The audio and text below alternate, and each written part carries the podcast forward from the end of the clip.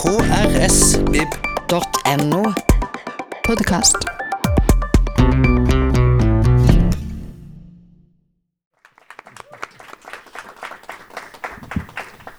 Tusen takk. Um, er lyden som passer?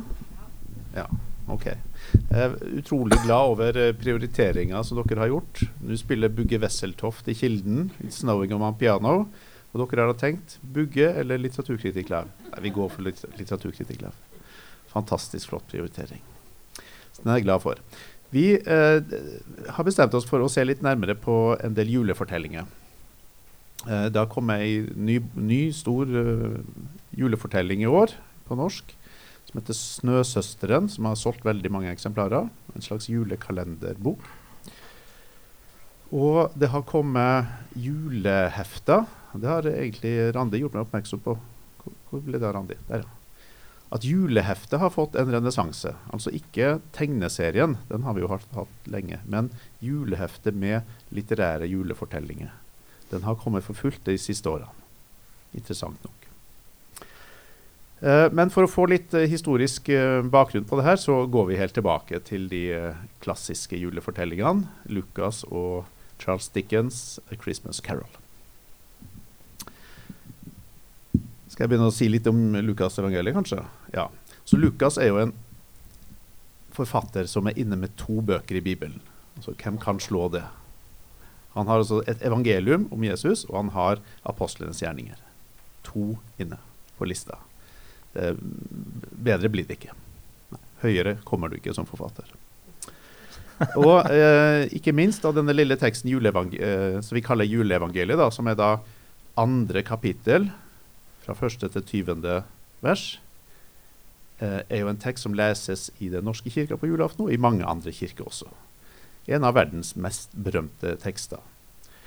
Så å skal anmelde en sånn tekst med en sånn enorm virkningshistorie og betydning, en, en tekst som har vært med og skapt en verdensreligion, det eh, er jo en utfordring, da. Og kan man liksom dis distansere seg litt fra den enorme betydninga teksten har hatt, og se den med litt sånn litterære øyne, uten å være teolog? Er det vi må prøve litt på her, da. I alle fall, uh, uh, jeg skrev vel år 70 ca. på at Lukas var skrevet. Um, det var kanskje litt tidlig. 80-85 eh, regner man med at Lukas evangeliet er skrevet. Det vil si at det er skrevet sånn Da, da, da tilhører Jesus som besteforeldre- eller oldeforeldregenerasjon. Det er han som skrev. Eh, så det begynte å gå i tid. Og de eldste manuskriptene vi har, eh, hele manuskriptene til Lukas evangeliet, stammer vel fra 200-300-tallet. Altså det, er jo avskrifter, selvfølgelig. Eh, så hvor mye som har forandra seg på veien fra år 80 til ca. 300, det kan man jo bare spekulere i. Men trolig ikke så veldig mye, for at de hadde så stor respekt for de hellige skriftene at de var veldig nøye på avskrivningene. Uh, og hvem denne Lukas var, det vet vi ikke. Vi vet ikke engang om han heter Lukas. For at disse navnene til evangelistene de ble føyd til litt sånn etter hvert. Uh, men noen spekulerer i at det kunne vært en lege som, uh, som, var i kretsen rundt Paulus. For Paulus nevner en viss Lukas. Så noen har spekulert på det. Det vi vet, er at han beherska gresk. For evangeliet er på gresk. Og det, de som vet det, de som har studert det, de sier at det er ikke noe det tyder ikke på noe særlig blandingsspråk. Altså, enten var han greker og hadde det som morsmål, eller så kunne han gresk utrolig godt. Og, og han kunne skrive, og han er en enormt ambisiøs forfatter. Han skriver ikke bare biografi, han skriver verdenshistorie. Og nå skriver han i juleevangeliet om det utrolige som skjer, at Messias kommer. Det er den store verdenshistoriske begivenheten han skal skildre på noen få sider. Og det her er veldig godt forberedt. Fordi han knytter hele tida referanser tilbake til Det gamle testamentet, til eh, profeten Jesajas, som forteller om denne jomfruen som skal føde et barn, om den Messias som skal komme. Han knytter linjene tilbake til kong David, som var på en måte den ikoniske kongen. Så Jesus er på en måte en ny David som kommer. Og alt dette fletter han inn gjennom referanser og hint og, og allusjoner. Så det er en stor tekst. Eh, har du noe forhold til juleevangeliet, Einar? Eh, Ja, det har jeg. Eh, Jeg kan bare si at jeg, når du sa vi skulle lese det her, så ble jeg litt stressa, fordi gudløse østlendingen skal liksom kommentere Bibelen på kristne Sørlandet. Det eh, ble litt stress for meg. Men eh, jeg har jo veldig forhold til det. Jeg vokste, gikk jo på barneskolen med, hvor vi alltid spilte teater. ikke sant? Eh, altså skjønte jeg at det var ikke fra Lukas, det var fra Matteus. Eh, det teatret vi alltid har spilt, med de tre vise menn og sånn. Eh, så mitt forhold var jo mer til Mattea- Matteus enn Lukas, faktisk. Um, men det var veldig interessant. Jeg vet ikke om vi skal begynne rett på, eller hva tenker du? Vi kan si litt om forskjellen på Matteus og Lukas. Ja. For begge skildrer jo da Jesus' fødsel, men på to helt forskjellige måter. Nei, altså Matteus er jo uh, uh, litt mer sånn altså, uh, Lukas evangeliet er litt mer sånn for folket, føler jeg. Uh, jeg er jo en mann av folket, føler jeg selv. Og i Lukas så er det mer sånn at eh, eh, Det var vel du som sa det til meg tidligere i dag også, at det er mer sånn at du um, her blir liksom beskjeden gitt til gjeterne. Eh, det er de, det er liksom, de jobber på marken. Det er, liksom, det er virkelig folket her. Eh, mens i Matteus er det jo eh, de vise menn fra Østen som kommer gående. Eh, så det er veldig sånn uh, forskjell på høy- og lavklasse her uh, i de to evangeliene. Jeg føler liksom Matteus er litt mer for den høyere klasse, mens Lukas er litt mer for den lavere klasse. Mm. Så det syns jeg var veldig interessant. forskjellen. Og så er det jo Maria som er veldig i fokus her eh, i Lukas. Lukas. Mm. Det er ikke Matteus. Der er kanskje Josef mer i fokus. Så det er litt sånn feministisk perspektiv på det, kanskje. Så det er veldig interessant den forskjellen vi snakka om tidligere i dag på det. Um, jeg vil jo si at jeg, jeg føler meg mest hjemme i Lukas. Da. Ja. Jeg innså at jeg har levd på en løgn siden barneskolen. Teaterstikk på barneskolen. Jeg føler meg litt lurt. Jeg skal ringe rektoren, den gamle rektoren. Hun lever fortsatt, faktisk. Skal jeg ta det opp? Uh, Matteus har jo også det, det her grusomme barnemassakren til Herodes. Herodes, Da han får høre at det er født en frelser, da, så er han redd for å få en konkurrent. Så han da bestemmer seg da for å drepe alle guttebarn under to år. Så det er en uhyrlig massakre som finner sted. Men eh, Josef jo da, eh, får jo da et hint om det her, og de eh, flykter til Egypt. Og blir der til Herodes er død. Men det der er ikke et spor av hos Lukas. Nevner ikke det hele tatt. Og så vidt jeg vet, så finnes det heller ingen andre historiske kilder som forteller om den barnemassakren. Så om den har hendt eller ikke, vanskelig å si. I hvert fall så har ikke Lukas hørt om den. Og det er det jeg husker fra de barneteaterne vi spilte. det var liksom At de slakta alle barn under to år. Den historien husker jeg veldig godt, liksom. at de putta blod på dørene eller et eller annet sånt. Og det var liksom, det var virkelig dramatisk. Og vise menn med den hvite laken og den pinnen vi alltid fant. Uh, så det var interessant å forholde seg til Lukas i voksen alder. Mm. Så Matteus kobler Jesus til Egypt, Moses den tradisjonen, mens Lukas knytter Jesus til David, først og fremst. Og så var det litt artig det at det står i begynnelsen av Lukas så står det uh, de, de sporer Jesus tilbake til altså, Nei, det var i Matteus, Uh, begynnelsen hvor de sporer slekta til Jesus. Så er det slekta til Josef. De sporer, ikke sant? Mm. Men han er ikke slekt med Josef.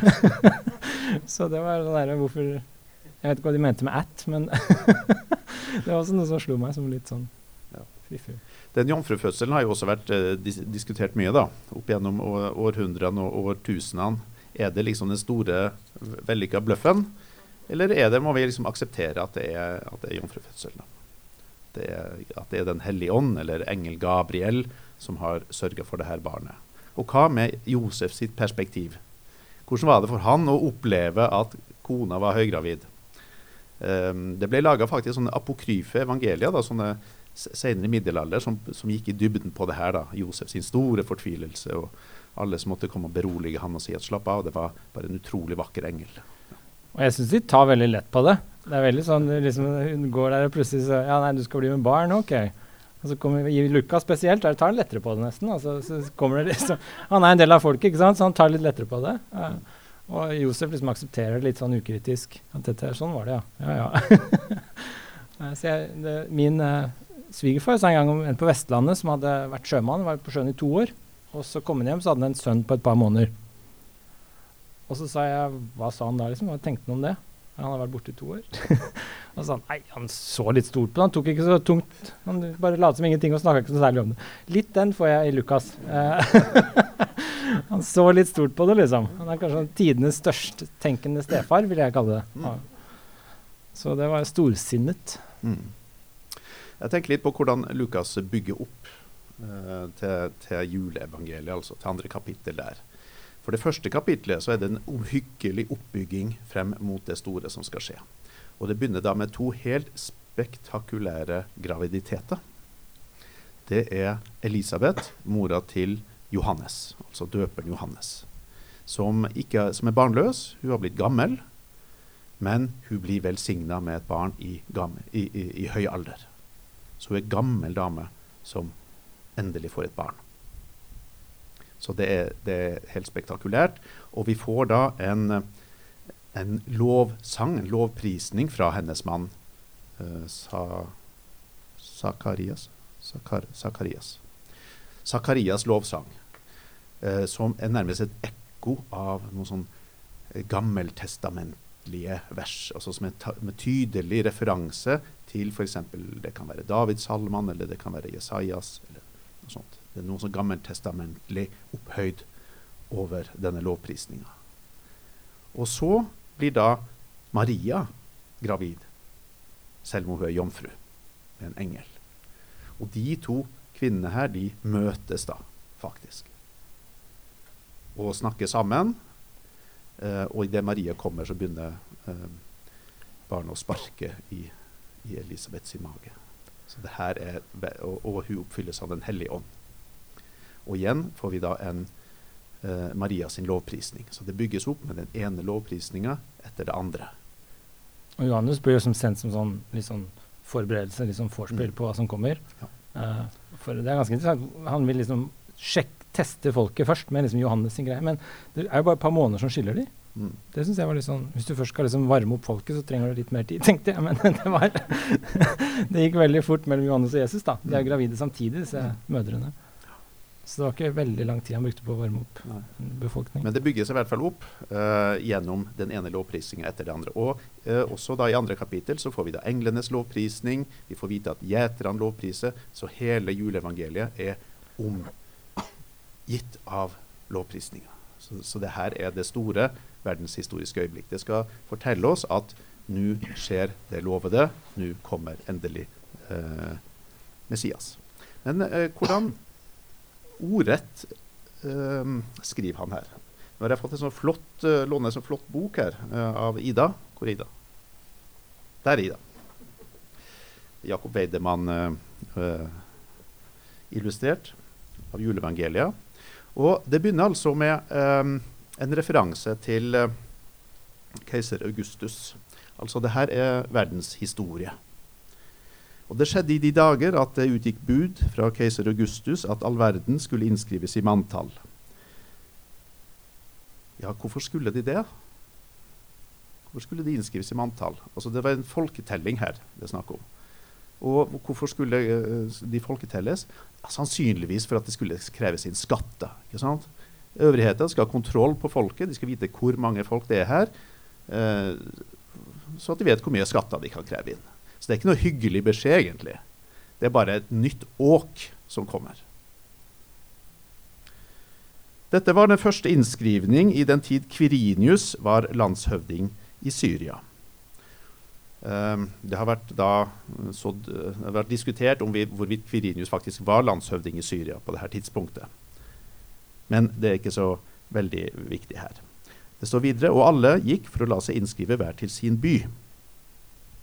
Så nå må de da, Og vi ser nærmest folkevandringa her for oss. To setninger. Og så, fra disse verdenshistoriske begivenhetene, så zoomer han inn på to mennesker. To individer. Vi ser dem nærmest i følge. Men også Josef dro opp fra Galilea til byen Nasaret, til Judea, som var Davids stad, som heter Betlehem, fordi han var av Davids hus og ett. For å la seg innskrive sammen med Maria, sin trolovede, som var fruktsommelig. Ja. Eh, faktisk I 1901-utgaven så står det sin trolovede hustru. Det blir vel en selvmotsigelse. Her står Men- det som ventet barn, bare, i den nye, moderne utgaven. Ja. Um, så fra det, de store historiske begivenhetene ned til enkeltmennesket. Som, kan, som man kan liksom identifisere seg litt bedre med. Men Eh, men det skjedde mens de var der. Da kom tiden da hun skulle føde. Og hun fødte sin sønn, den førstefødte, og svøpte han og la han i en krybbe, for det var ikke rom for dem i herberget. Eh, herberget er eh, sløyfa i den nyeste utgaven. Står det, Nei, står det bare det var ikke husrom for dem. Hva gjør han nå? Hva gjør forfatteren nå? Nå er Jesus født. Han kunne ha blitt der i og dvelt ved dem. Dvelt ved situasjonen. Men det gjør han ikke. Han flytter seg langt ut fra Betlehem. Utafor Betlehem, ute på marka. Så kameraet bare beveger seg ut på landet til noen gjetere. Eller hyrder, som det står i den gamle versjonen her. Det var noen hyrder der på stedet som var ute på marken og holdt nattevakt over sin jord. Det her må være en gammel eh, utgave. før eh, 1978. i hvert fall. Ja. Så plutselig så er, vi, eh, så er fokuset forskjøvet. Og det er gjeterne på marka. Det er ikke de tre vise menn. Det er ikke upper class. Det her er de laveste nede på rangstigen. Det er de som får Herrens lys om seg. Og se, en Herrens engel sto for dem, og Herrens herlighet lyste om dem, og de ble meget forferdet. Og engelen sa, sa til dem, forferdes ikke, for se, jeg forkynner eder en stor glede som skal vederfares alt folket. Å, flott arkaisk språk her. Der er i dag en frelser født, som er Kristus, Herren, i Davids stad. I den moderne utgaven står det Messias. Gjør det ikke det?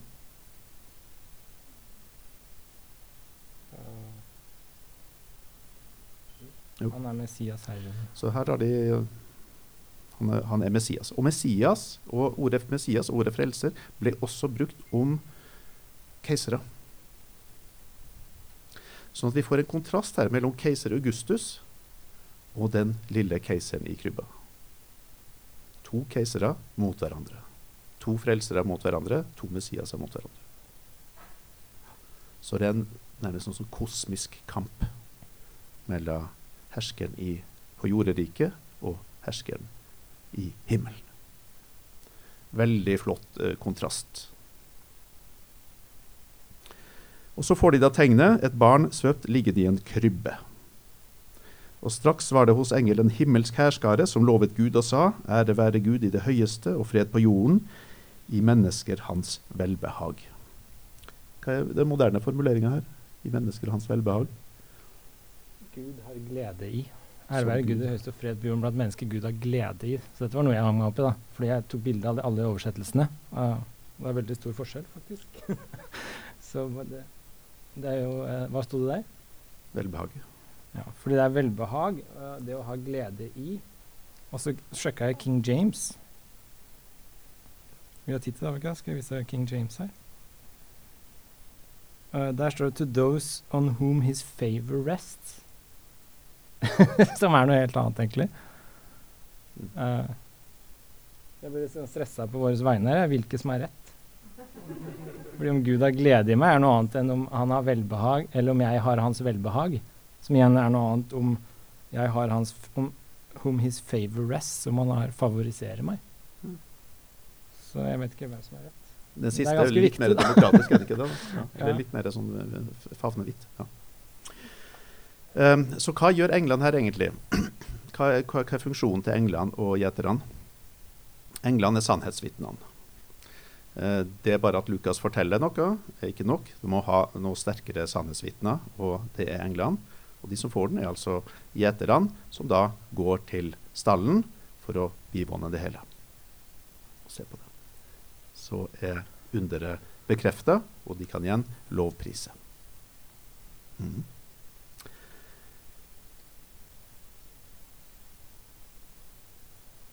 Ja. Det er den første grunnleggende julefortellinga. Det verdenshistoriske øyeblikket Gud griper inn i virkeligheten, lar det som er lovt, skal skje. Med masse referanser tilbake igjen til Skriften. Det som er litt kult med det, syns jeg, da jeg, Vi har avtalt han skal si mest om det her, da, for jeg tør ikke å si så mye om det. Men det som er kult med det, er jo at Syns jeg, da, det er at det er det skjer liksom denne kontrasten som du sier mellom det, det virkelig det høyeste og det laveste uh, i Lukas. Uh, men også at action, liksom, hele, når hele verdenshistorien nå forandrer seg Det jeg husker liksom, er jo mantra 'Det skjedde i de dager'. Den setningen er jo brennmerka i enhver sjel av folk på min alder. Det var det vi vokste opp med. liksom, og den, altså, den sitter jo, og det er liksom Det skjedde. Det er liksom det største av alt. Det var bare det. Det var ikke noe navn engang. Det var bare it. Mm. Uh, og det, er- det skjer blant folket, da. Det skjer liksom blant gjeterne og Maria og fattige Josef og Maria. og De får ikke noe sted å bo. og Dette er en velkjent historie, at det skjer der nede. og Det syns jeg er veldig kult. da. Det synes jeg var litt forfriskende å lese igjen etter 30 år. Mm. uh, Så- og, det, og det ser vi i disse andre vi skal anmelde senere òg. Mm. Det er jo kontrasten mellom liksom to klasser som hele tiden kommer og går i julefortellinger. Så hele tiden kommer. Det går faktisk aldri. Hele tiden kommer i julefortellinger. Uh, og det er det som er morsomt med alle de vi skal lese nå fremover. Mm. Bort, kanskje bortsett fra den siste, 'Snøsøsteren'. Hva skulle du si, Annabelle? Men jeg vil bare si vi glemmer altså Dette er en kristen fortelling for oss, men vi glemmer det jødiske der. Du har glemt at han skulle omskjæres. Og så har du glemt at hun skulle renses. Og du har glemt at de skulle ofre fiskeduer eller to dueunger. Og vi har liksom glemt det i fortellingen. Mm. Det, det, det, blir, det blir påpekt at altså både Johannes og Jesus de skal omskjæres etter åtte dager.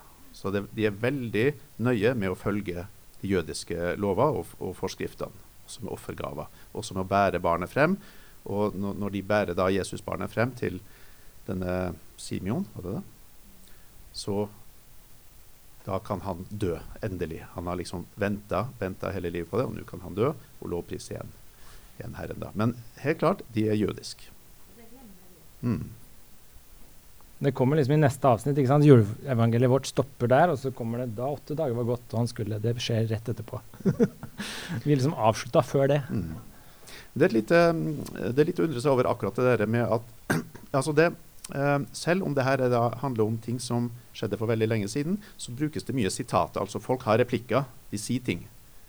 Og det gjør at vi er likevel her og nå. Det er liksom ikke noe særlig tidsavstand når folk snakker så direkte til hverandre som de gjør her. Så vi blir sugd inn i en nutid. Det foregår alltid her og nå, selv om de foregikk for lenge siden. Men det er noe som er litt finurlig, det at eh, to ganger i løpet av juleevangeliet, eller de to første kapitlene, eh, så står det at Maria tok disse ordene til, det, til seg og gjemte dem i sitt hjerte. Um, som også det er meningen at leseren selvfølgelig skal gjøre. da, eller tilhøreren skal, Ja, det var derfor det var litt rart, for litt senere i fortellingen så, så skal jo eh, Når Jesus er ti år eller noe sånt, syns jeg det var veldig koselig, for da er de på reise. veldig stor familie, Storfamilien er på reise, og så skal de hjem igjen fra Jerusalem. Og så går det to dager før de oppdager at Jesus ikke er med. Ja. Så liksom det var hele familien var på tur, da. Og så oppdaga de ikke at sønnen var borte etter to dager. Og det er veldig koselig, for det var sånn stort følge med onkler, og alle bare tok seg av noen. Liksom hjemme alene-fortellingen hvor de glemmer en unge, for det er så mange der. Det var veldig koselig. Men da drar de tilbake for å hente han når de endelig oppdager det. Og så er de overraska, og så sier hun liksom hvor hun kunne gjøre det her mot oss. Mm. Og så sa han hvorfor er du overraska? Du må jo vite at jeg er i min fars hus. Og da skjønte de ikke hva han sa. Og så tenkte jeg, skjønte du ikke det når du har blitt befrukta av Den hellige ånd? og dette er jo åpenbart ikke sønnen hans. Og han er liksom, det er et hellig mirakel, alle har godtatt det. Og så skjønner de ikke hva han mener når han sier det. Det syns jeg var litt rart. da. Men det var kanskje bare filosofen i meg som hang seg opp i Ja. Nei, det var litt som hos svigerforeldrene mine. Jeg, glemte svogeren min på polet da han var liten. Så, jeg måtte kjøre tilbake og hente han. Strømstad. Um, men for øvrig, disse, denne engelen da, som kommer inn som det sannhetsvitnet her altså det, det, Englene kommer inn når de virkelig store tingene skjer, og vi må ha eh, ekstra vitne, vitneforklaringer inn. da. Så det, Englene kommer en gang til faktisk i Lukasevangeliet, og det er da etter at Jesus har stått opp fra de døde.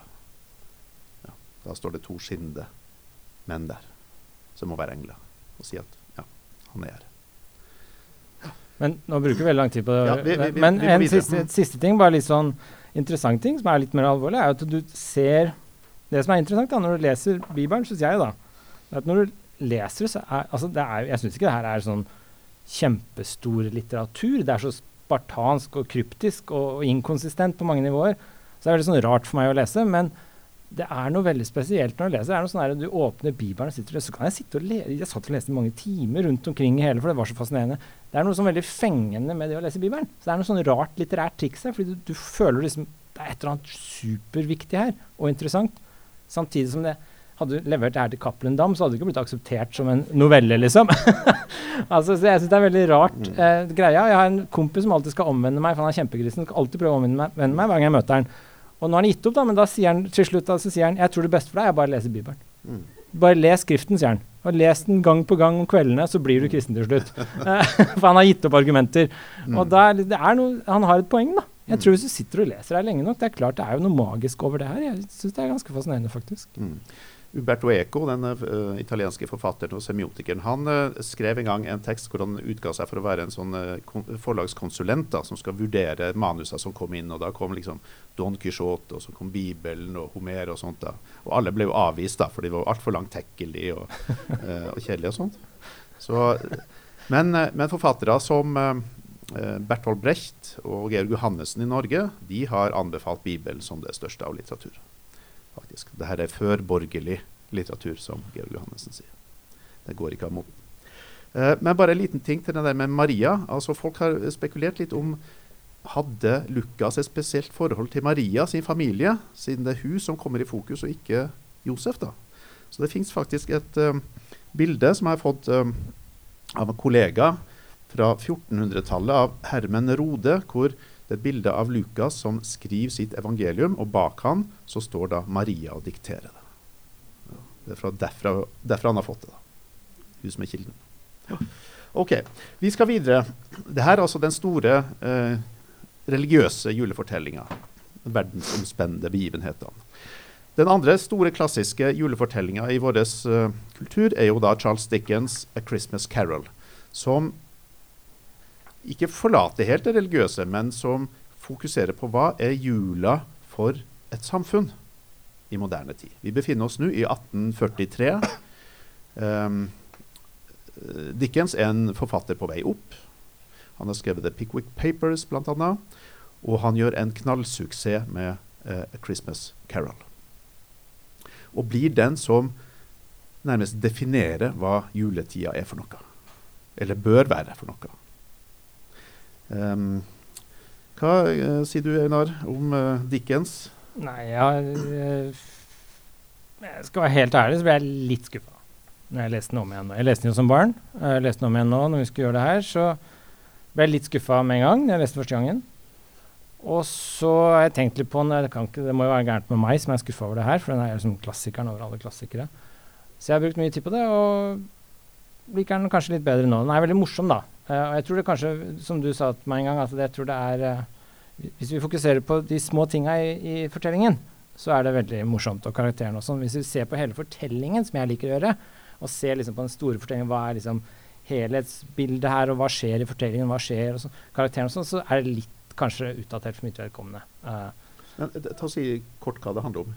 Eh. Historia. Så I tilfelle noen ikke har lest den her, så nei, får så er de jo denne eh. Knug heter den på norske oversettelsen jeg har kjøpt, da. Scrooge Eh, på engelsk. Scrooge på engelsk. Og dette er jo da en gammel grinebiter.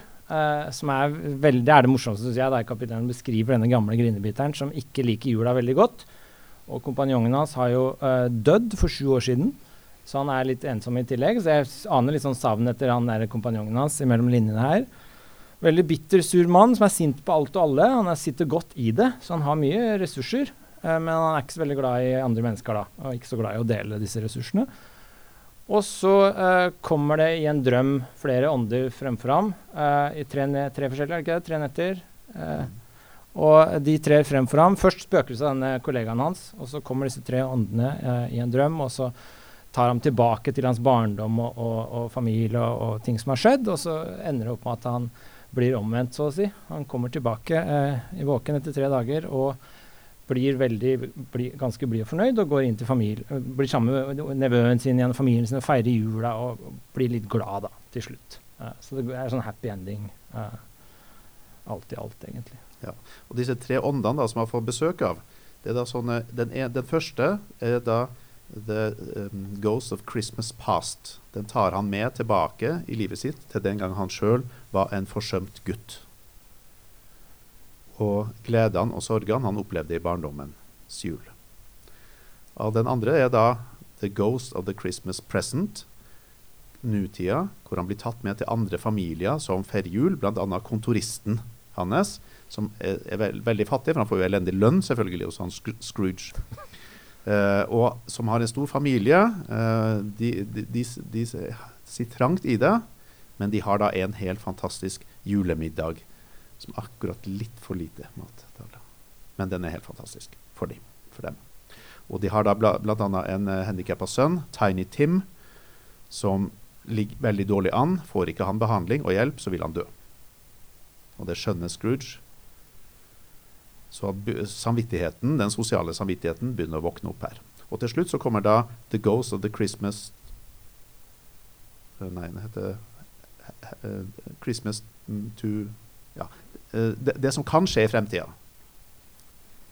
eh, som tar eh, han med til en jul der en person har dødd, og de rundt han bare er opptatt av å selge etterlevningene hans, og ingen er glad i han, ingen bryr seg om han, og han skjønner sjøl det er hans egen død han ser.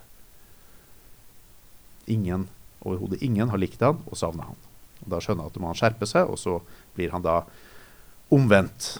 Og blir da en, en god og hjelpsom mann. Det er, det er en slags moralsk. Ja, omvendelse, egentlig. Og det er veldig morsomt på slutten her. Helt på slutten så sier han da alt blitt glad, og lykkelig og alle happy, så sier, står det han hadde aldri ytterligere samkvem med noen spiritus, og levde i så måte som totalavholdsmann resten av sitt liv. så det var veldig morsom avslutning der. Og det ble alltid sagt om at, at det var én mann som visste å feire jul, som var det han. så han ble virkelig omvendt, da. Ja.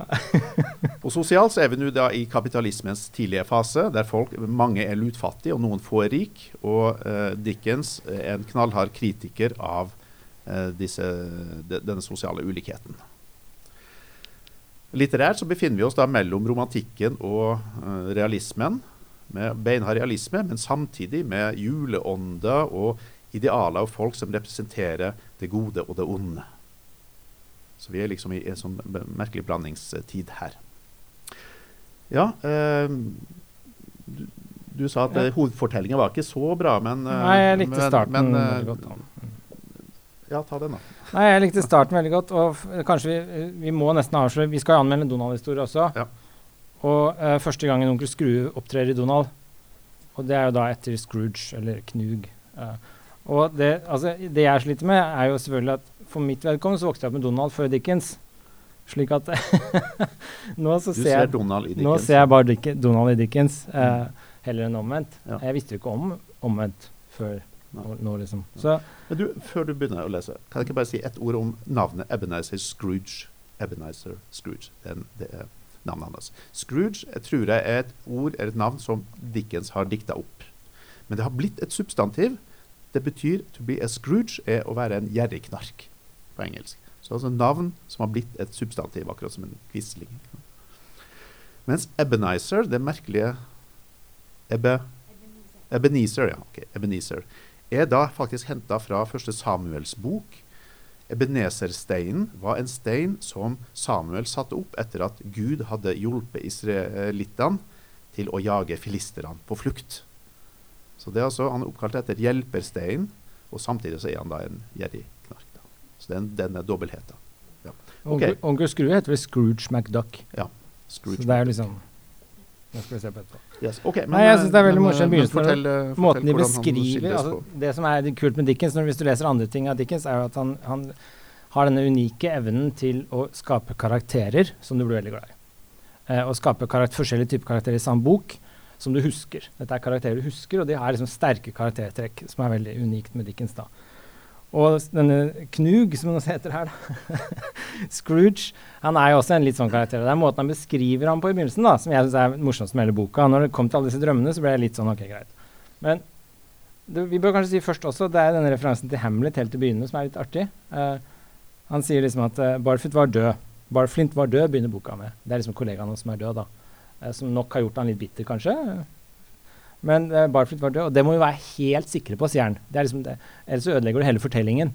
Det er som når Hamlet møter spøkelset av faren sin. Hvis det ikke var et spøkelse, hvis det var tvil om det, at det bare var faren som var ute og rusla, så er hele Hamlet ødelagt.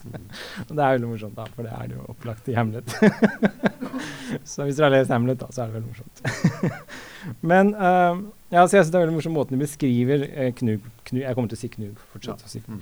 Måten de beskriver Knug på her, er veldig morsomt. da For han er så sint, ikke sant? så bitter. Og så er det så mye eh, humor i bitterhet, måten bitterhet er blir uttrykt på her, som jeg syns er veldig sånn knu, eh, unikt eh, litterært her. da Så for eksempel så kommer denne glade, fattige nevøen hans inn. Han er kjempefattig, ikke sant? Ressurs, uh, har ingen ressurser, men er kjempeglad og gleder seg over jula. Mens Knug, som har masse penger og ressurser, han hater jula. Så det er liksom allerede her begynner jeg å lese Donald inn i det. da, altså Den glade, fattige nevøen mot denne sure, rike onkelen. Så de med ressursene er bitre og syns alle er late, mens de som ikke har noen ting, de er glade og fornøyd. så det er veldig morsom eh, sosial eh, oppvåkning bare her. ikke sant? Og, men så er det måten han beskriver onkelen Det er flere ting her som er veldig morsomt. Så han, sier eksempel, han kommer inn, er veldig glad og sier 'god jul' og sånn til onkelen sin. Til denne Knug, da. Så, så sier Knug 'julen' Nei, han sier at jula er bare noe humbug. Pøh, sa Knug. Humbug, sier han. Og så sier onkelen Nei, han nevøen, da. Julen humbug, onkel, sa Knugs nevø. Det kan du mulig mene. Men det gjør jeg, sa Knug. Gledelig jul. Har du noen rett til å være glad? Har du noen grunn til å være glad? Du er da ellers fattig nok. så han kan ikke skjønne at denne fattige nevøen har noen grunn til å være glad, da. Men så han som er så rik, han burde da være glad ved hans eget resonnement. Men det er han ikke. Han er sintere enn noen annen. Så det er veldig eh, morsomt, da. Eh, så sa han nå, nå svarte nevøen muntert. Har du noen rett til å være dyster? Noen grunn til å være gretten? Du er da ellers rik nok. så det er sånne, sånne småting hele tida i beskrivelsen av denne Knug da, som er veldig morsomt. Og eh, en annen er også um, en onkelen eh, Jeg kan lese litt lenger. Følger du det? Ja, ja. Uh, ikke vær bisk, onkel, sa nevøen. Hva skulle jeg ellers være, svarte onkelen, jeg lever i en verden full av idioter. Gledelig jul til Bloksberg med gledelig jul. Hva annet er din jul enn tiden for å betale dine regninger uten penger? For å se at du har blitt et år eldre, og ikke en time rikere. For å balansere dine regnskaper og spore hver post gjennom samtlige av årets måneder. Hver især en anklage. Da er jeg aldri, han er så bitter, så det er jo helt hysterisk morsomt. Hadde jeg fått viljen min, sa Knug forbitret, skulle hver idiot som går rundt med gledelig jul på leppene, bli kokt med sin egen julepudding og siden begravet med en kristentornsplint gjennom hjertet. det skulle han. Onkel, sa nevøen bedende. Nevø, svarte onkelen barskt. Hold du jul på ditt eget vis, og la meg holde den på mitt. Holde den, gjentok Knugs nevø. Men du holder den jo ikke. Så la meg være fri for den da, sa Knug. Din skal du nok få god gagn av. Like god som av juler før. Mange ting som kunne vært til gode, har jeg vel forsømt å dra nytte av, svarte nevøen. Og julen iblant dem. Men så mye er sikkert at hver gang det stunder til juletid, tenker jeg på den. Ikke bare med den ærbødighet som skyldes den hellige navn og kilde, om da noe av dette kan kalles bare, men som en god tid, en tid for varme, tilgivelse, barmhjertighet og trivsel. Den eneste tid jeg kjenner, i årets lange kalender av menn og kvinner liksom samstemmer i å åpne sine lukkede hjerter på vid vegg, og i å tenke på mindre prydelige folk som om det virkelig var reisefeller mot graven, og ikke en annen dyreart på vei mot ganske andre mål. Og derfor onkelskjønt julen aldri har gitt meg en tøddel gull eller sølv i lomma, tror jeg på at den har gjort meg godt, og vil gjøre meg godt.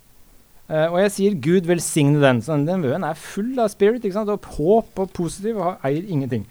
Kontoristen i båsen kom ufrivillig til å klappe. Det upassende dette gikk øyeblikkelig opp for ham, og han ga seg til å rake ilden, hvorpå den siste spede gnisten slukket for evig. La meg høre én lyd fra dem, sa Knug. Så kan de feire julen ved å miste stillingen. Herren er svært så veltalende, la han til, henvendt til sin nevø. Det forundrer meg at du ikke heller lar deg velge til parlamentet. Og så er det siste her som er veldig morsomt. Ikke vær tverr, onkel. Kom og spis middag hos oss i morgen. Knug sa han ville, jo han sa så. Han gikk hele uttrykket til ende, og han sa han ville før han så Før se ham på et ytterst Han sa han ville før se ham på et ytterst fjernt sted.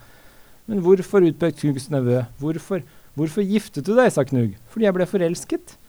Fordi du ble forelsket, knurret Knug som om dette ene av alt i verden kunne være latterligere enn en gledelig jul. Farvel. Men uh, altså, fortsett litt til her. Det var en eh, siste her. Uh,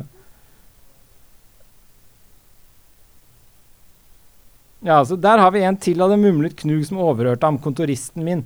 Med 15 skilling i uka, kone og familie, prater om en gledelig jul. Jeg tror jeg trekker meg tilbake til galehuset. Uh, så han, han har ikke noe respekt han, han skjønner ikke disse fattige, da, som, som klarer å glede seg over noe når de ikke har noen ting. Det er det som er det hysterisk morsomme her, da. Eh, så jeg liker måten han blir beskrevet på gjennom liksom hvor, eh, hvor mye han egentlig rakker ned på disse ser ned på disse fattige. Han syns de er late. han synes de er liksom, ser, jeg, Egentlig ser jeg onkel Skrue her, da, for å være helt ærlig. Ja. Men det skal vi komme tilbake til. Ja. Det, samtidig så er det jo denne nevøen altså som formulerer da veldig presis hva jula er for noe. Hva er juletida? Essensen av juletida, som du siterte nå nettopp. Den eneste tid i årets lange kalender da menn og kvinner liksom samstemmer i å slå sine lukkede hjerter på vid vegg. Å tenke på mindre prydelige folk som om de virkelig var reisefeller mot graven, og ikke en annen dyreart på vei mot ganske andre mål. Altså det, å lukke, det er tida for å lukke sine hjerter opp. Det er essensen av jula. Og samtidig da det sosiale engasjementet. Se på fattigfolk som medmennesker. Felles passasjerer. Og det er jo det Knut ikke akkurat gjør, da. Eh, Når det kommer to stykker og ber om penger til fattigfolk, så sier han bare 'Har man ingen fengsler?' spurte Knug. så det er jo Han er jo ikke akkurat eh, Han har ikke lukka opp hjertet sitt enda, i hvert fall. Nei, han har ikke det. Og så blir han glad når de, folk, når de tiggerne har gått, de som ber om penger til fattige folk. Når de endelig har gått, så sier han Herren innså klart det nytteløse i å forfølge sitt ærend videre og spørre han om penger, da. Uh, og trakk seg tilbake. Og da Knug gjenopptok sitt arbeid, nå med høyere tanker om seg selv, og i et lystere lune enn vanlig var for ham. da hadde han liksom vunnet, ikke sant? Han hadde ikke gitt fra seg en krone, og de hadde gått ut med tapt ærend, og da følte han seg som en seierherre. Veldig interessant sosialt spill her. Annen veldig minneverdig skildring da, for å avslutte litt uh, Dickens, er jo da skildringa av jula nettopp hjemme hos denne kontoristen, da, ikke sant, som er lutfattig og har den store familien. Og de har da skrapa sammen penger til en gås som de skal til julemiddag. Og skildringa av denne middagen er altså det nærmeste Dickens kommer englene, altså. Sånn som daler ned i, i Lukas evangeliet. Det er virkelig underet som skjer. Det er da når denne julemiddagen kommer på bordet. Eh, så jeg skal ta litt av slutten på gåsa og begynnelsen av puddingen. Ja, akkurat det der er høydepunktet. Og det her blir da Scrooge da eh, hemmelig sånn vitne til, da. Så, fordi at ånden har tatt ham med da hit. De har da ropt hurra for gåsa nå, da. Aldri har det vært en slik gås. Bob, altså det kontoristen, sa han trodde ikke noen slik gås noensinne var satt på et bord. Så mør var den, så velsmakende, så stor og så billig at det var en kilde til alminnelig beundring. Godt hjulpet av eplesausen og potetmosen rakk den til å mette hele familien. Ja, som fru Krøbel tilfreds sa, mens hun skuet utover ett ørlite fnugg av et ben som lå igjen på fatet. De hadde ikke engang spist opp alt. Ikke desto mindre hadde alle fått nok. Spesielt de yngste krøbler var innsatt med salvie og løk til øyenbrynene. Og nå mens Belinda satte nye tallerkener på bordet, forlot fru Krøbel værelset alene. Hun var for nervøs til å tåle vitner, for å ta puddingen og bære den inn. Tenk om den ikke var gjennomferdig. Tenk om den gikk i stykker når den ble tatt opp. Tenk om noen hadde kommet seg over muren til bakgården og bent frem stjålet den mens de selv koste seg med gåsen. En mulighet som gjorde de to små krøblene likbleke. Alskens forferdeligheter ble utmalt. Men se der. En sky av damp. Puddingen var oppe av bryggerpannen. En lukt som på en vaskedag. Det var kledet. En, en duft som fra et gjestgiveri, vegg i vegg med et konditori. Og det igjen vegg i vegg med et vaskeri. Det var puddingen. Et halvt minutt etter kom fru Krøbel inn igjen, rødglinsende, men stolt smilende, med puddingen hard, fast som en spettet kanonkule. Den gnistret i sitt bad av en halv halvpel flammende konjakk. Og aller øverst tronet en julekristtorn. Hvilken utrolig pudding! Bob Krøbel sa, og det faktisk med rolig røst, at etter hans mening etter hans mening var det fru Krøbels absolutte høydepunkt siden de to inngikk ekteskap. Fru Krøbel sa at nå som spørsmålet ikke lenger lå tyngende over henne, ville hun innrømme at hun hadde vært i tvil om melmengden. Alle hadde sitt å si om den, men ingen sa eller syntes at det kunne være en litt liten pudding til en så stor familie. Det ville vært hellig brødet. Enhver krøbel ville ha rødmet over å antyde noe slikt. Ja. Det, er, det er en stor forfatter som kan skrive sånn. OK. Onkel Scrooge, eller eh, Ja. Ja, men først altså, bare sånn løfte blikket litt fra fortellingen her. Ja. Eh, det er jo, eh, Hvis du sammenligner litt nå det som skjer i Bibelen, det som skjer her òg Mm. Men eh, det er liksom denne kontrasten mellom det høye og det lave og det rike og det fattige som hele tiden gjen, gjenoppstår nå i julefortellingene så Mm. langt, som jeg har sett på. Mm. Eh, og omvendelsen, egentlig. Eh, hvordan du liksom går fra du skal, du skal bli bedre, liksom. Du skal ha håp, du skal bli bedre, du skal åpne hjertet ditt, du skal dele, ikke minst, som kommer mer og mer til syne her nå. Det å dele, eh, da er alle lykkeligere. Så i den her ender det opp med at alle er lykkelige når de sitter sammen, familien, og deler. ikke sant? Og det er jo den julefølelsen alle sitter igjen med. Og det er ganske stor moralsk omvending på Knug. For her sånn sier han jo om, I begynnelsen sier han jo om kontoristen sin, som han jo får veldig sympati for mot slutten Mm. eh, og hjelper, så sier han jo her eh, Sier han jo til kontoristen ikke desto mindre så syns du ikke jeg lider overlast når jeg betaler en hel dagslønn uten at du skal få et arbeidslag igjen. Dette er dagen etter julaften, og han skal ha fri dagen etter julaften. Uh, så sier kontoristen bemerket at det dreide seg om én gang i året. En dårlig unnskyldning for å rundstjele en mann hver 25. desember, sa Knug. Mens han kneppet ytterfrakken til haken. Men må de ha hele dagen, så må de vel det. Innfinn dem desto tidligere neste morgen. Altså Det er den der bitterheten i ingen deling. eh, og det ender han jo opp med stikk motsatt på slutten. Og da blir han lykkeligere. ikke sant? Alle blir lykkeligere. Så det, være, det er liksom moralen eh, så langt. Og det er jo nettopp det som kommer veldig til syne i Donald, da. Uh, nå begynner vi å nærme oss mitt territorium, føler jeg.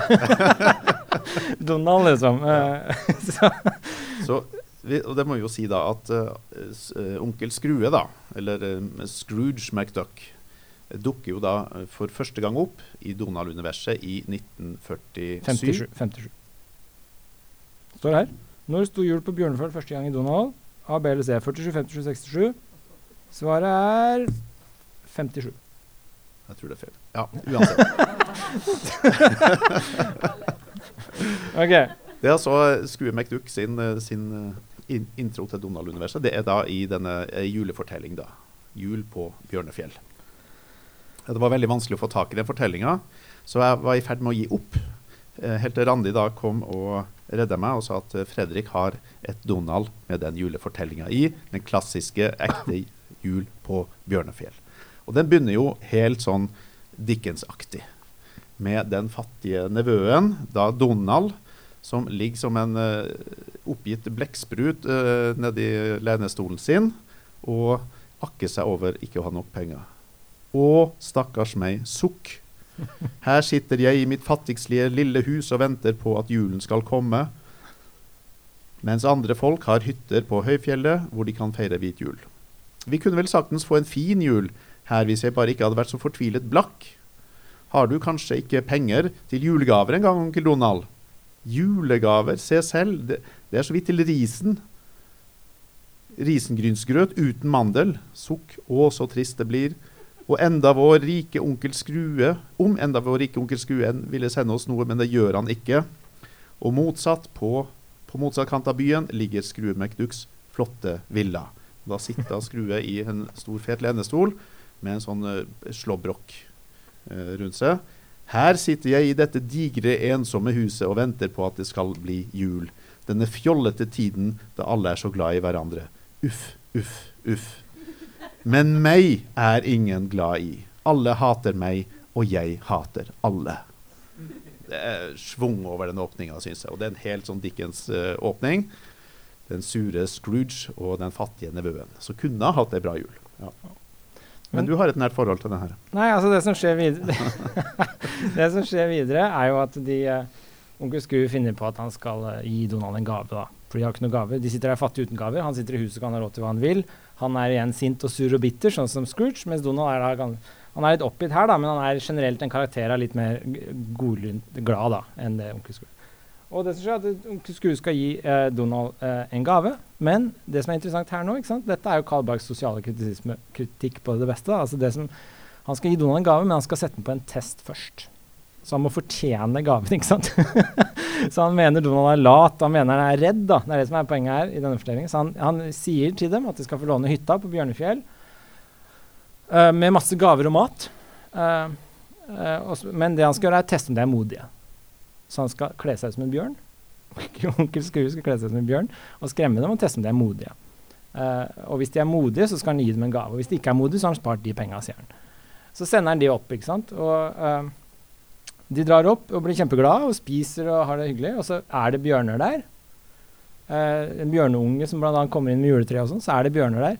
Og de blir veldig redde. eh, og så kommer onkel Skrue opp og vet ikke, og så er det masse misforståelser. Litt sånn der, eh, eh, humor som går frem og tilbake på misforståelser. Og så ender det opp med at eh, onkel Skru kommer og tror at de er modige. Fordi de har svimt av og ligger ved bjørnen for han var så redd. Og de andre jager den lille fordi de er så redd. Og så tror onkel Skrue at de er modige og sover med bjørn Og sånn, og så tror han at eh, har de bestått testen, ikke sant? og så feirer de jul til slutt.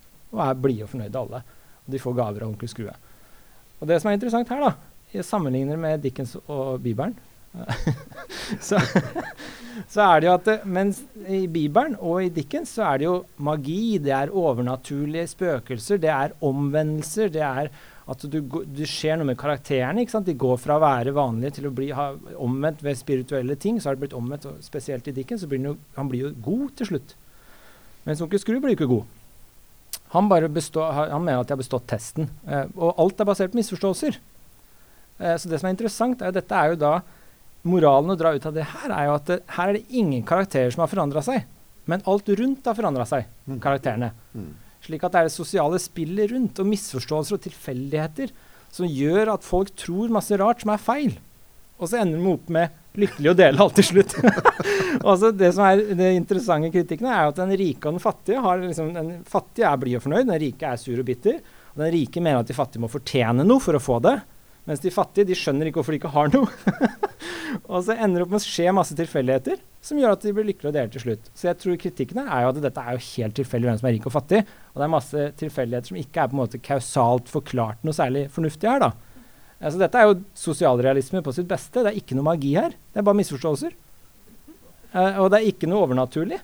Det er dønn naturlig. Det er en bjørn, liksom. Hvor mer naturlig får det blitt? Så det er, det er ganske sånn interessant måten han, han legger opp det her på. Da. Så jeg tror det er på en måte opplagt veldig Dickens-fortelling. ikke sant? Eh, inspirasjon her. Men på en måte så er det også et stikk til Dickens om at det er ikke noe magi her. Det er ikke noe mystikk og overnaturlig. Her er det bare misforståelser eh, og tilfeldigheter som gjør at folk ender opp der de ender opp. Men moralen til slutt tror jeg er jo den samme. Altså, du er lykkeligere når du deler. Og du er lykkeligere når du sitter sammen og spiser god mat og er sammen med familien din. Så onkelen og nevøen liksom, de får det bra til slutt, egentlig. Mm. Men i motsetning til Dickens så skjer det ikke noe med karakterene. Det er bare alt rundt. Mm. Så det er veldig interessant sånn, uh, tilsvar til Dickens. da. Så det er en inspirasjon, men det er også et stikk til at uh, jula er ikke noe magisk over den, liksom. Det er bare Men moralen er det samme, da. Så det er jo interessant. Mm. Er du enig, eller er det Ja, jeg syns det var en veldig god analyse av Donald. Uh, og så er det en annen eh, artig ting eh, som er verdt, å merke seg. Altså det, begge historier begynner med en veldig fastlåst situasjon mellom den rike og den fattige, den sure og den blide. Hvordan får du det her i bevegelse? da? Hvordan setter du historie i gang? Og det Dickens gjør, Han setter en historie i gang ved å innføre noe utenfra. Nemlig gjenferdet til Marley, den gamle kompanjongen, pluss tre ånder. Og så får de satt det her fastlåste i spill, så at noe kan skje og utvikle seg og endre seg. Men eh, det er ingenting ytre som kommer inn fra Som starter det hele eh, i Donald. Det kommer en indre impuls fra Skrue at ja, jeg skal gi han en gave hvis han består eh, en test her. og sånt. Så han må sette Så Carl Barks kan ikke innføre noen ikke noe noen, over- noe naturlig. o- overnaturlige ting som kan sette i gang fortellinga, så han må sette den i gang innenfra. Fra et påfunn, et påskudd egentlig, fra onkel Skrue. Og så begynner snøballen å Men rulle. da. resultatene kommer litt utenfra pga. bjørnene, da. Jo, jo. Så det er bjørnungen som forviller seg inn for de tar inn et eneste stygge juletre de finner. Er liksom et med hull i. Så er det en bjørn inni der, så tar de inn det. Og så kommer bjørnemora er sint og skal hente ut den ungen sin, og så blir det fullt kaos. Og så kommer onkel Skrue i bjørnedrakt inn der med bjørner, og så er det, det er helt absurd. Sånn morsomt, ikke sant. Men uh, det er jo bjørn som er med, tilfeldighetene rundt bjørnen som er med å styre hele fortellinga. Mm, Som gjør at de ender opp med å forenes og ha det fint på julaften. mm. Eller første jul. Men den der klassiske moralske fortellinga om at man blir bedre og sånt, den krakelerer jo Nei, så. Barks er her en, det, jeg, det vi i filosofien kaller en nihilist, egentlig. Altså, han mener her er det ikke noe reell moralsk forandring eller moralske eh, ting som gjør utslag. Det er bare tilfeldigheter eh, som ender opp med at vi ender opp der vi ender opp. Uh, så ja. Jeg synes det var veldig morsomt. Jeg, første gang jeg leste den, så, så var jeg sånn OK. Og så leste jeg det om igjen, og så tenkte jeg det her blir bra. Og så når, det gikk opp for meg hvor nært det var Dickens, så var det sånn Dette er jo knallbra, liksom. Dette er jo tegneserie på sitt beste. så det er mye bra. Vi må gå videre til neste skal vi si, sosialrealist, eh, Vigdis Hjort. Eh, Vigdis Hjort utga ei lita fortelling som heter 'Julaften' i det her flotte eh, julemagasinet som heter 'Juleroser'. Redaktør Herborg Krå Kråkevik, ja. I 2015. Eh, som virkelig satte fart i da, den nye eh, juleheftetrenden. Du hadde jo en sånn praktutgave, hadde du ikke det? Ja. Julerusser. Eh, det, det, ser veldig idyllisk ut, da, forsida, men eh, fortellinga til Vigdis Hjorth den er ikke særlig idyllisk. Men den er veldig sterk, og også tragi, tragisk morsom. Ja. Svart humor, kanskje. Eh, hun skriver faktisk den julefortellinga som har mangla, nemlig fortellinga om mora som kjemper en stor indre kamp for å bare å komme seg gjennom julaften. For å klare å leve opp til forventningene familien har. Det er ikke å ødelegge hele jula for alle andre. Fordi hun er alkis, da. Ja. er det som er Hun er alkoholiker, og hun må ikke bli full. Det er mantraet som går igjen gjennom tre sider. Jeg må ikke bli full. Jeg må ikke gå på ski, for da tar jeg meg en øl etterpå.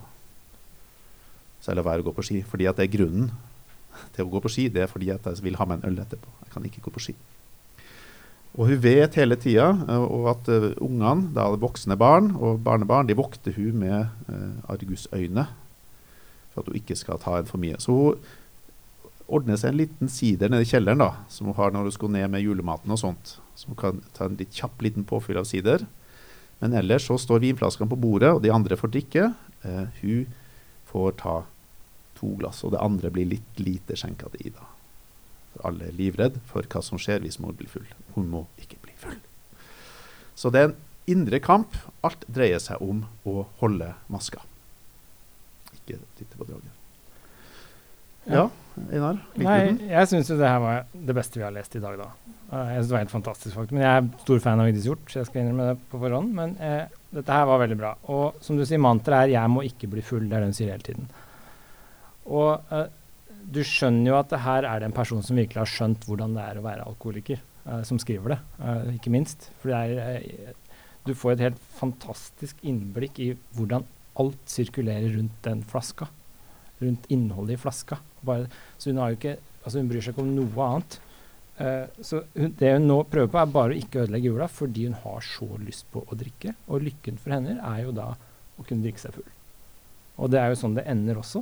Uh, så kan jeg bare lese et par setninger som Mm. illustrerer mye av det. Uh, så jeg må ikke bli full, sier hun. Blir jeg full, blir, all, blir det ødelagt, blir det forferdelig. Alle dagene de skal bo hos meg, oppvask, gråt, umulig. Jeg må ikke bli full. Det er alt hun tenker på. Det ingen, og så sier hun men det er ingenting man blir så tørst av som å ikke måtte bli full. så det er, altså dette er veldig bra, da. Eh, og så sier hun sånne ting som eh, de andre Hun håper faktisk at barn og svigerbarn blir fulle, så hun også kan bli full. Så hun sier sånne ting som Jeg håper han svigersønn vil bli full. Nei, sønnen. Jeg håper han vil bli full. Jeg håper han vil drikke så mye at han blir full og glemmer meg. Fordi alt sirkulerer rundt henne. At hun føler at alle ser på hender og måler hender hele tiden. Uh, og så den ene dattera, hun er jo da Hun drikker ikke hjemme fordi mora har ødelagt henne ved alkoholismen sin. Så uh, når de spør om henne, hun skal ha en øl, så rister hun på hodet. Hun vil ikke ha øl. Det er skaden. Så hun som ikke drikker, er skadd, på en måte. altså Det også illustrerer at uh, skadd er henne som alkoholiker, men hun, det er liksom det er sånn mørk humor i det også. At uh, hun som ikke vil drikke, hun er på en måte den skadde av de. Så det er setningsnivået til eh, Vigdis Hjorth jeg liker veldig godt. Da. Det er enkelte formuleringer. Dette går inn i bøkene hennes òg. Hvis dere har lest sånn arv og miljø og lærerinnens sang og sånne ting, så er det, det er enkeltsetninger som liksom gjør det god litteratur gjør. da. Den formulerer noe på en måte som gjør at du tenker Oi, sånn har jeg aldri hørt det bli sagt før. Men så utrolig presist. Mm. Altså det, det sier enkelt korte setninger som bare liksom setter spikeren på det, da. Eller slår hammeren på spikeren. Er- Men det er noen um, ehm, Her er en jeg liker veldig godt her, da. Uh, jeg tar plast Hun skal ned i kjelleren og sette det- fruktsalaten i kjelleren. Så sier hun jeg tar plastfolie over bollen, og der har hun sideren sin, ikke sant? Gjemt i fryseren. Så sier hun jeg tar plastfolie over bollen, omstendig og langsomt, som om det ikke haster. du får den følelsen av hvor mye hun vil ned i den kjelleren. Og så sier hun jeg snakker rolig til meg selv. Rolig nå. Jeg går opp og dekker Nå har hun dykket til sider, da. Jeg går opp og dekker bordet uhyre fokusert.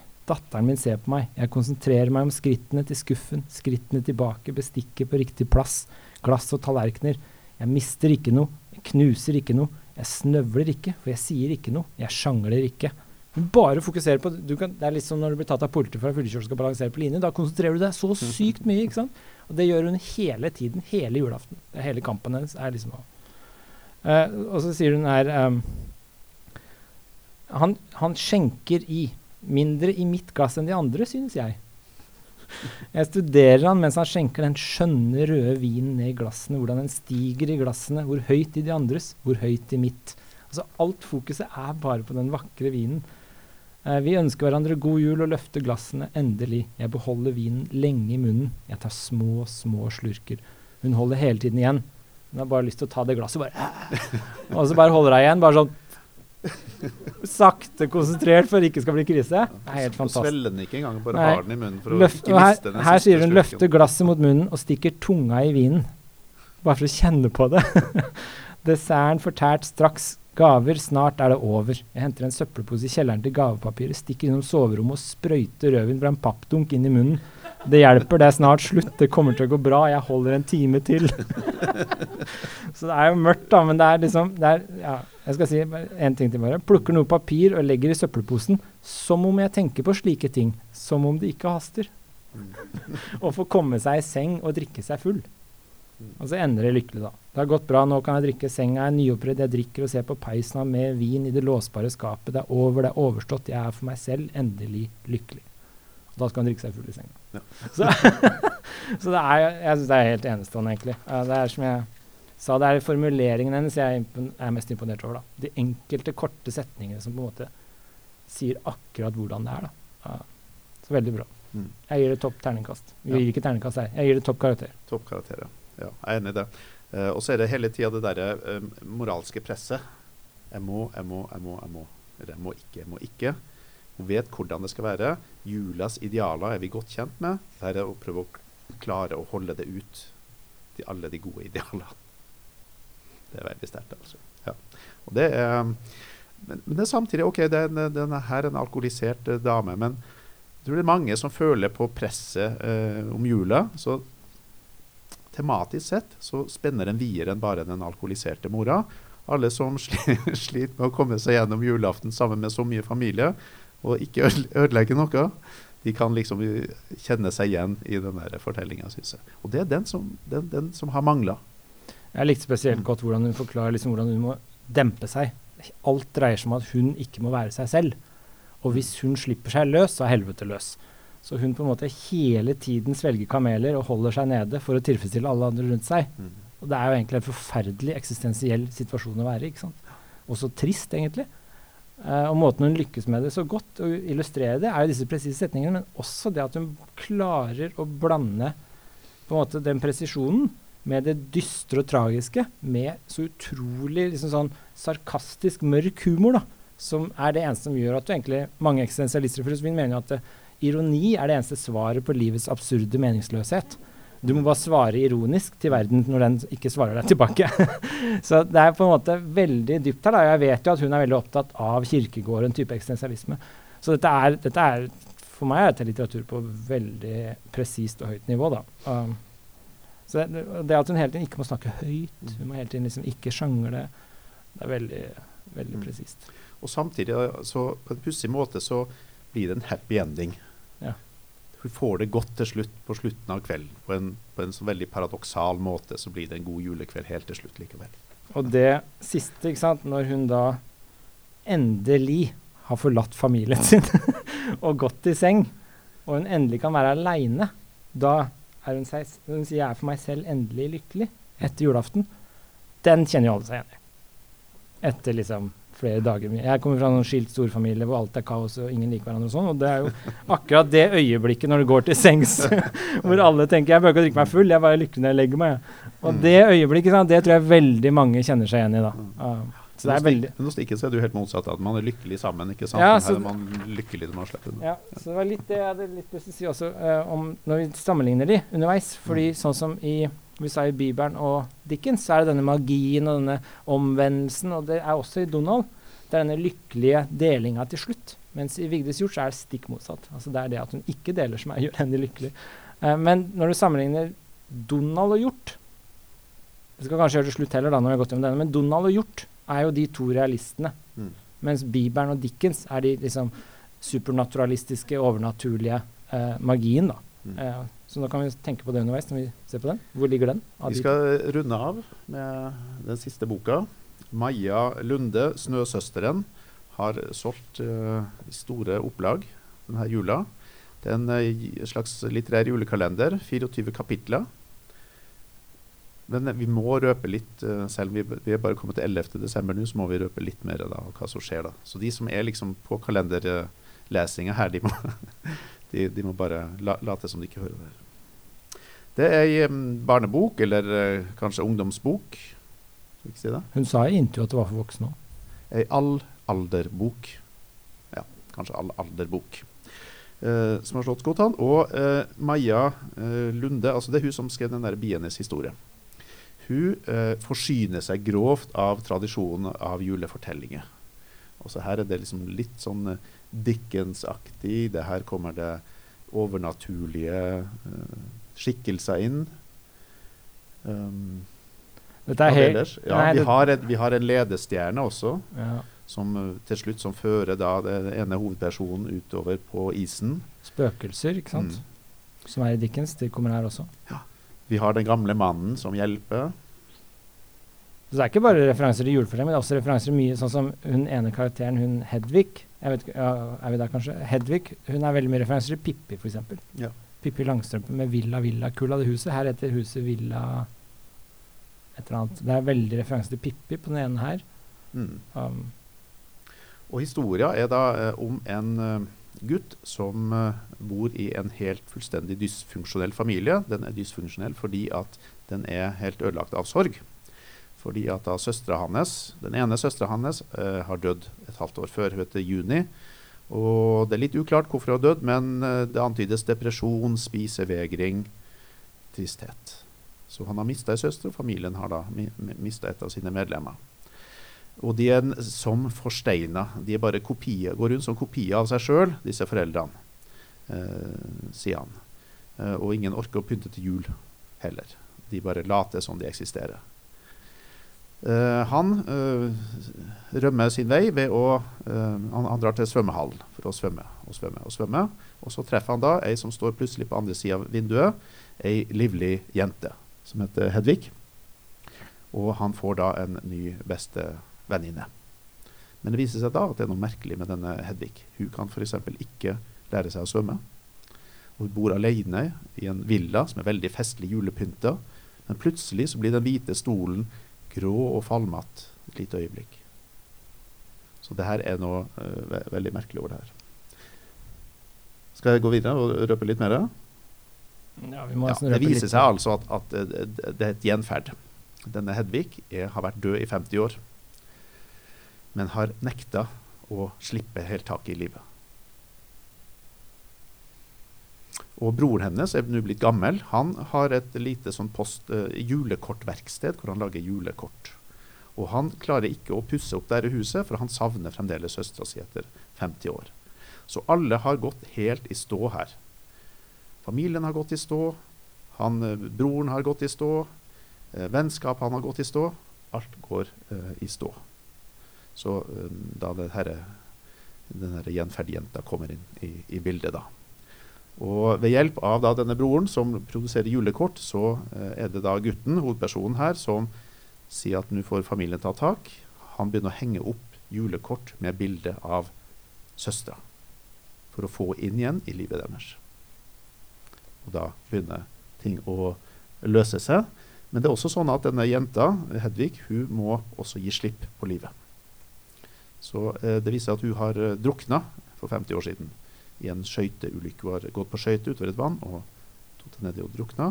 Og nå må hun ta på seg sine gamle skøyter og gå en ny tur. Der ledes hun da av ei stjerne, og hun blir møtt av Juni, den døde søstera. Og sammen så spinner de rundt og forsvinner sammen. Så det er veldig eh, merkelig historie, men det er en veldig finurlig måte å skrive om sorg på. Og sorgbearbeiding og det å komme seg videre i livet. Så eh, jeg, jeg, jeg syns begynnelsen var litt kjedelig, eh, men etter hvert så ble jeg ganske grepet av, eh, av måten historia utvikla seg på. da. Syns det var finurlig. Og du? Ja, nei, jeg føler meg kanskje litt som Scrooge nå. Knug. Fordi jeg syns den var grei, men jeg syns som deg at den var litt treig. Så det, det gikk jo 10-12-14 kapitler før det egentlig skjedde så veldig mye. Så jeg leste de tre-fire første for min yngste, f.eks., som er åtte år. Han har ikke spurt om jeg skal lese kapittel fem ennå, så jeg veit ikke helt. Eh, Telefonen har tiltrukket ham mer, tror jeg. Så, uh, men jeg syns, um, som du sier, det som er litt kult med den, er at det det er dette overnaturlige elementet som er ganske sjelden i norsk litteratur, egentlig. Norsk litteratur er veldig sånn jordnær realistisk. Mens her sånn så er det liksom Dickens. Det er eh, spøkelser og ledestjerner og lyset. Det er veldig klisjéaktig hvordan dette her eh, ender. Hvordan du kommer deg videre. Det er nettopp at hun endelig gir slipp, så kommer det opp i sånn lys. Jeg fikk assosiasjoner til denne filmen Ghost, ja. Husker du den? Der er det også sånn at eh, spøkelsene går opp i lyset. Altså de slemme går ned i mørket. Så det er veldig sånn klisjéscenario som skjer der. Men grunnen til at jeg ikke er så begeistra, kanskje, er at jeg syns dialogen er litt påtatt, for å være helt ærlig. Jeg synes, eh, det, det er en bok som er skrevet i jeg-person. Førsteperson jeg, førstepersonsperspektiv. Og det er ikke et troverdig barnesamtale og barneblikk vi får i den jeg-personen. Jeg tror boka hadde lykkes mye bedre hvis hun hadde skrevet i tredjeperson. Hvis hun hadde skrevet om Hedvig og om Hva heter han hovedpersonen? Um, Julian. Julian. Om Julian, uh, i stedet for å skrive ut ifra Julian sitt jeg-perspektiv, så tror jeg boka hadde lykkes uh, i større grad. Det blir liksom påklistra, og de snakker på en måte som på en måte Litt de der uh, fedrene i, i, barnehagen og barneskolen som alltid har irritert meg, som går ned på kne og snakker med babystemmen til ungene sine. Alltid irritert meg litt hvorfor ikke han snakker normalt. Og jeg får litt den følelsen i den boka her, men hun snakker liksom litt sånn kunstig til barna. Uh, og det er ingen barn som snakker sånn. Så det irriterte meg litt. Tegningene er veldig fine. Det er jo en tegnebok. Eller det er jo en illustrert bok. Tegningene er veldig fine. Lisa, Lisa Aisato, som har eh, illustrert den. Så det er veldig fine tegninger. Det eneste som irriterte meg der, var at alle øya er veldig store. Så det er veldig sånn dådyrøyer for at du skal få empati med karakterene. Eh, og det er litt sånn japansk tegneserietradisjon hvor øya er veldig store. Det faktisk det irriterte meg litt, for å være helt ærlig. Eh, det ble litt påtatt. Ser du det? Ja, se der. Øya er liksom veldig sånn der du skal se rett inn i øyeeplet liksom, for å få empati med dem. Det syns jeg ble litt voldsomt. Uh, jeg fikk nesten apati. Ja. Så, men eh, jeg syns det er veldig kult at hun trår til. da. Det er store følelser. Eh, det er store bilder og metaforer og mye uh, magi. Så denne her går inn i tradisjonen med Bibelen og Dickens. ikke sant? Mm. Mens uh, Vigdis Hjort og Donald var ultrarealistisk sosialrealisme, Mm. så er jo Bibelen og Dickens og Lunde mer sånn julefortelling med mysterier, og det er cliffhangers i hvert kapittel, og det er liksom noe overnaturlig som skjer, og det er veldig sånn magi, da. Så ja. Var det veldig negativt? Nei, jeg er enig i det. Jeg syns også den er, over, den er overstyrt. En jeg-person er overstyrt med voksenstemme. Så det blir ikke noe troverdig barnestemme. Men jeg spurte dattera mi på 16 om øh, hun likte den. Ja, hun syntes den var fin. Ja, så jeg, Hva så fint, da? Jo, hun skildrer så fint de følelsene du får, sa hun. Om jula. Lukta av pepperkake og appelsin og julemusikken. De følelsene du får da, det skildrer hun fint. Så, så OK, jeg aksepterer at, øh, at um, det er, sånn, det er sånne, Ja. sånne fine trekk også. Men det er mange referanser her, da. Så det er jo til Dickens og sånn. Men det er også til uh, jeg fikk veldig, Den gamle mannen, hun møter, denne Julian møter en gammel mann som driver den kortbutikken. Han er veldig skummel til å begynne med. Jeg tenkte med en gang på han mannen hjemme alene. Han, han skumle mannen ute hjemme alene som sto ute med spaden. Han viser seg å være kjempehyggelig, ikke sant? Mm. Og så har han sin egen sorg han bærer på, og så møtes de i det. Eh, og det skjedde her òg. Mm. Garantert at hun har tenkt på denne mannen. Jeg tror ikke det er tilfeldig. Tror du det? Nei, det er samme assosiasjon. Ja. Så jeg tror det er mange referanser. Pippi, helt klart. Hedvig er Pippi i dette store villahuset med rødt hår og blid og fornøyd og sier crazy ting og sånn. Mm. Eh, så det er veldig mange sånne assosiasjoner her. Så det er. Artig bok. Jeg angrer ikke på det jeg leste, men kanskje litt, litt, eh, litt, Mm. litt, litt påtatt, vil jeg si. Men vi må avrunde. Altså det er, det er ulike eh, julefortellinger, men de, de kretser om et, en eller annen form for under som forvandler det. Det er helt klart. Det kan være den store fortellinga der Gud griper inn og endrer verden, verdenshistoria. Den eh, litt mindre fortellinga om hva juletida kan gjøre med et samfunn, som hos Dickens. Og så har vi da den mer private, hva juletida kan gjøre med den enkelte. Altså individer og familien. Jeg ville kanskje gruppert det litt annerledes. Hvordan da? Nei, altså, jeg, jeg ville satt Lunde, Dickens og Bibelen i den fortellingen hvor det er noe overnaturlig som gjør at folk forandrer seg og omvender seg. Det er moralske forandringer, både i Lunde og Dickens. veldig moralske forandringer. Han, Julian blir en helt annen person etterpå. Foreldra blir det også. Uh, og i Bibelen er det jo åpenbart at folk forvandles. Eh, mens i eh, Donald og Hjort så er det mer eh, eh, ting rundt som på en måte Du forandrer deg ikke, men du tilpasser deg det rundt, og det skjer ting tilfeldigheter rundt, men ingen av karakterene har noen moralsk forandring. Mm. Vigdis Hjort vil jo, eller ikke henne da, men moren, vil jo bare ligge og drikke seg full på slutten òg, like mye Mm. som på begynnelsen. Så det er ikke noen moralsk forvandling. Mm. Så det ingen av personkarakterene i de to fortellingene forandrer seg, Mm. men alt rundt på en måte dominerer dem. Mm. Eh, og det skjer jo i begge de to, men ikke de tre andre. Mm. Så det var for meg en mer markant skille mellom disse fem fortellingene. Mm. Det overnaturlig magiske og den kritikken om at det er ikke noe magi her, det er bare liksom sosial uh, urettferdighet og alkoholisme, liksom. så ja. Men uh, ja. Klokka er blitt uh, snart ti på halv, så jeg tror vi skal avrunde der. jeg. Så tusen takk for pleier å, Du pleier å spørre liksom, hvem likte du best. Ja. Ja, Donald Vigdis Hjort. Dickens. Du? dere Ja. Dickens og Vigdis Hjort. Ok. Mm. OK, tusen takk for at dere kom. Vi ses igjen til neste år, håper jeg.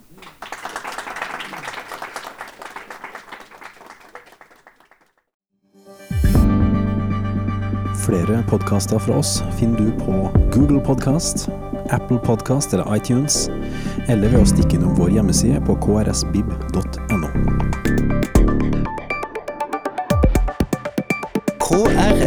krsvib.no. Podkast.